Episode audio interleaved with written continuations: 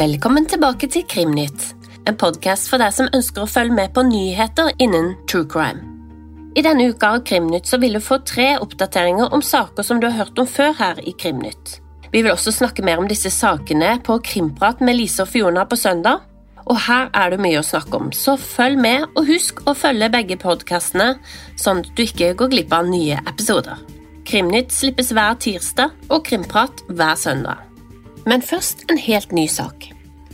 Og trodde du at å forgifte noen det var noe de drev med for lenge, lenge siden, så tok du feil, for her er nok en forgiftningssak.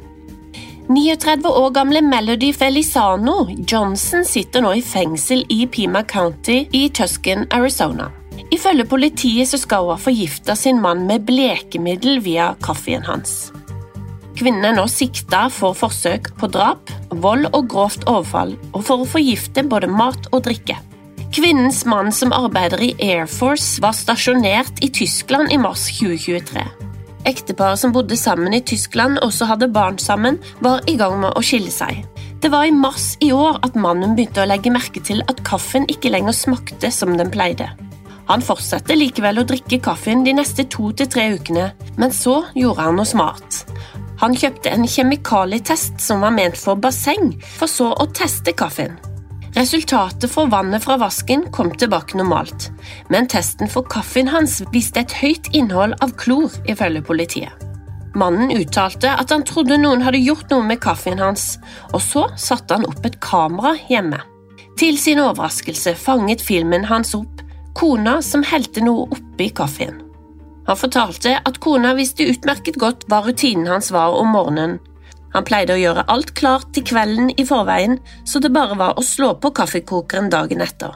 Etter mannen oppdaga dette, så slutta han å drikke kaffen, men han lata overfor kona som han drakk den, og han ønsket ikke å anmelde dette da de fortsatt var i Tyskland. Paret returnerte til USA 28. juni, og 1. juli var de installert på Davis Mountain Air Force-base i Tusken, USA. Her skulle de bo i et midlertidig hus.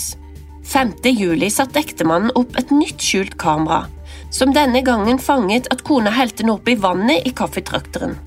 Allerede neste dag så dro ektemannen til politiet og anmeldte sin kone for forsøk på å forgifte han ved å helle klorin i kaffetrakteren hans. Han viste også politiet filmen, men siden man ikke kunne se tydelig hva hun helte i kaffetrakteren, ble anmeldelsen kun tatt imot uten å bli fulgt opp. Ektemannen gikk da til innkjøp av enda flere skjulte kamera som så ut som brannalarmer. Disse festet han så i taket på kjøkkenet. Da paret fikk huset de skulle bo i permanent, installerte han også et skjult kamera i vaskerommet. Det var her de oppbevarte klor. Så installerte han et kamera rett over kaffetrakteren og en tredje som viste veien mellom vaskerommet og kaffetrakteren. Filmene fra disse tre kameraene viser ifølge politiet kona som tar klorinen, heller den over i en annen beholder før hun så går til kaffetrakteren og heller klorin i den. Ektemannen har forklart politiet at det er hans kaffemaskin, og han er den eneste som noen gang drikker fra den. Han mente at kona forsøkte å drepe han for å få livsforsikring på ham nå som de skulle skilles. Kona Melody ble arrestert i parets hjem like etterpå. Hun påberopte seg rettighetene til en advokat, så politiet fikk ikke avhørt henne ifølge rettsdokumentene. Politiet fikk en ransakelseordre på parets hjem. Her fant de en væske i kaffetrakteren som lukta klorin. Under fengslingsmøtet ba politiet om retten til å behandle henne som en høyrisikofange og holde henne fengsla til rettssaken kommer opp. Melody er opprinnelig filippinsk og har familie der og har nylig kjøpt hus i Filippinene. Politiet mener at det er stor fare for at hun kan rømme. Retten lytter til politiet, og hun sitter nå i fengsel uten mulighet for kausjon frem til rettssaken kommer opp. Politiet virker å ha en sterk sak med sterke bevis mot Melody. Så gjenstår det bare å se om hun blir dømt eller ikke for drapsforsøk på sin ektemann. I mai i år, 2023, så ble Laurie Daybell dømt for drapene på barna sine, JJ og Tylee, og også for konspirasjon på mordet av Tammy Daybell. Og etter at juryen fant henne skyldig, så var det dommerens tur for å bestemme straffen. Det var i 2019 at barna ble meldt savna, og mens de var savna, så gifta Laurie seg for fjerde gang med den religiøse dommedagsforfatteren, podcasteren Chad Daybell. Da Laurie ikke kunne vise barna og at de hadde det bra til en dommer, så ble hun og Chad arrestert. Barna ble senere funnet på Chad Daybell sin eiendom, og bevisene peker mot Lauries avdøde bror Alex Cox, Laurie og Chad.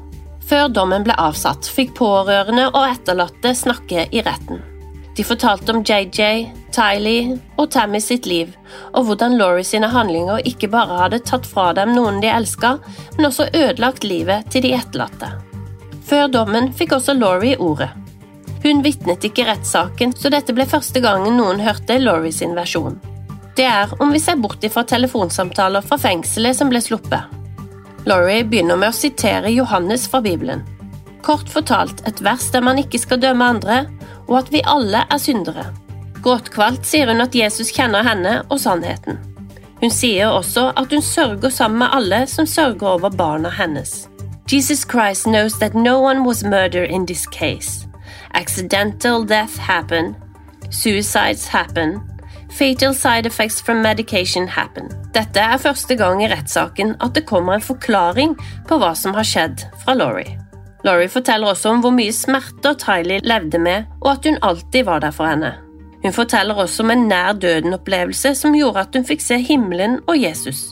Hun mente at hun hadde en oppgave på jorden, mens alt hun ville var å komme tilbake til himmelen. Videre sier hun at hun har hatt kontakt med barna som er i himmelen, samt hennes gode venninne Tammy Daybell. Til tross for at Laurie ikke selv mente at hun hadde noe skyld i dødsfallene, var bevisene overveldende.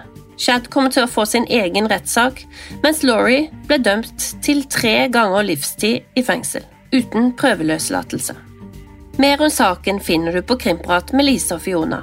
Der kan du i en tidligere episode høre alle detaljene i saken, samt en oppdateringssak på søndag om denne og flere saker fra Krimnytt. I sommer så har det også vært en rettssak i Taylor Business-saken.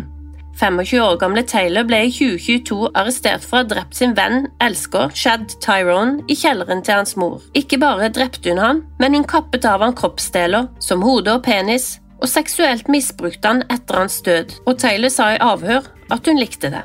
Shad døde av kvelning, og de skal ha misbrukt flere rusmidler kvelden da Shad døde. Det var moren som fant sønnens hode og penis i en bøtte i kjelleren dagen etter. Juryen brukte mindre enn en time på å finne henne skyldig, og hun venter nå på at dommeren skal avsi lengden på straffen. Du finner mer om saken i en tidligere episode av Krimnytt, og også i vår oppdateringssak i Krimprat på søndag. Det har vært mye som har skjedd i sommer i forhold til saker vi har hatt her på Krimnytt. Da husker sikkert Idaho-saken der Brian Colberger er sikta for drapet på fire studenter. Det var 13. november i 2022 at fire studenter ble brutalt drept i en studentbolig i Moscow, Idaho, USA. Alle fire hadde vært ute og festa samme kveld, og alle fire ble drept enten mens de sov eller på vei til å legge seg. Det var også to overlevende jenter i boligen som ikke ble utsatt for angrepet. Fredag 13. desember ble Coburger arrestert. Det er funnet DNA på en slire på åstedet, som gjennom familiær DNA er sporen til farens DNA. Det og elektronisk data skal ha vært nok bevis til å arrestere og sikte Brian Coburger. Nå har det kommet frem at Brian Coburger skal ha et alibi. Et alibi skal fremsettes i forkant av en rettssak og si hvor Brian har vært, og om det finnes bevis på at han var der. Forsvaret sier at de vil bevise at han var på kjøretur i bilen, og at dette var noe han pleide å gjøre på natta. De mener at dette alibiet vil komme frem under selve rettssaken. Det er et relativt vagt alibi, og det er ikke spesifisert hvor og når Brian var ute og kjørte. Det er bare to måneder til rettssaken, og det er uklart om mer om alibiet vil komme på en ny høring før rettssaken. Og så til en siste oppdatering. I forrige uke så hørte du om at Rex Human var arrestert i forhold til Long Island Serial Killer-saken, også kalt LISK, eller Craigslist Murders. Nå har politiet klart å identifisere en av ofrene som har blitt kalt Jane Doe nummer syv. Det var i 1996 at beina til Jane Doe nummer syv ble funnet på Fire Island, og i 2011 så ble retten av en hodeskalle identifisert på Jones Beach. Nå er Jane Doe identifisert som Karen Vegata, en 36 år gammel kvinne som jobba som eskorte og forsvant i 1996. Politiet vet ennå ikke om dette har en link til Rex Human og The Gilgo Four. Vegata ble identifisert ved hjelp av DNA. Det blir spennende å følge utviklingen av denne saken. Det var alt vi hadde i denne uka. Og som sagt så er det bare å høre på Krimprat med Lise og Fiona på søndag. Da kommer vi til å snakke mer om disse tre sakene. Vi høres neste uke.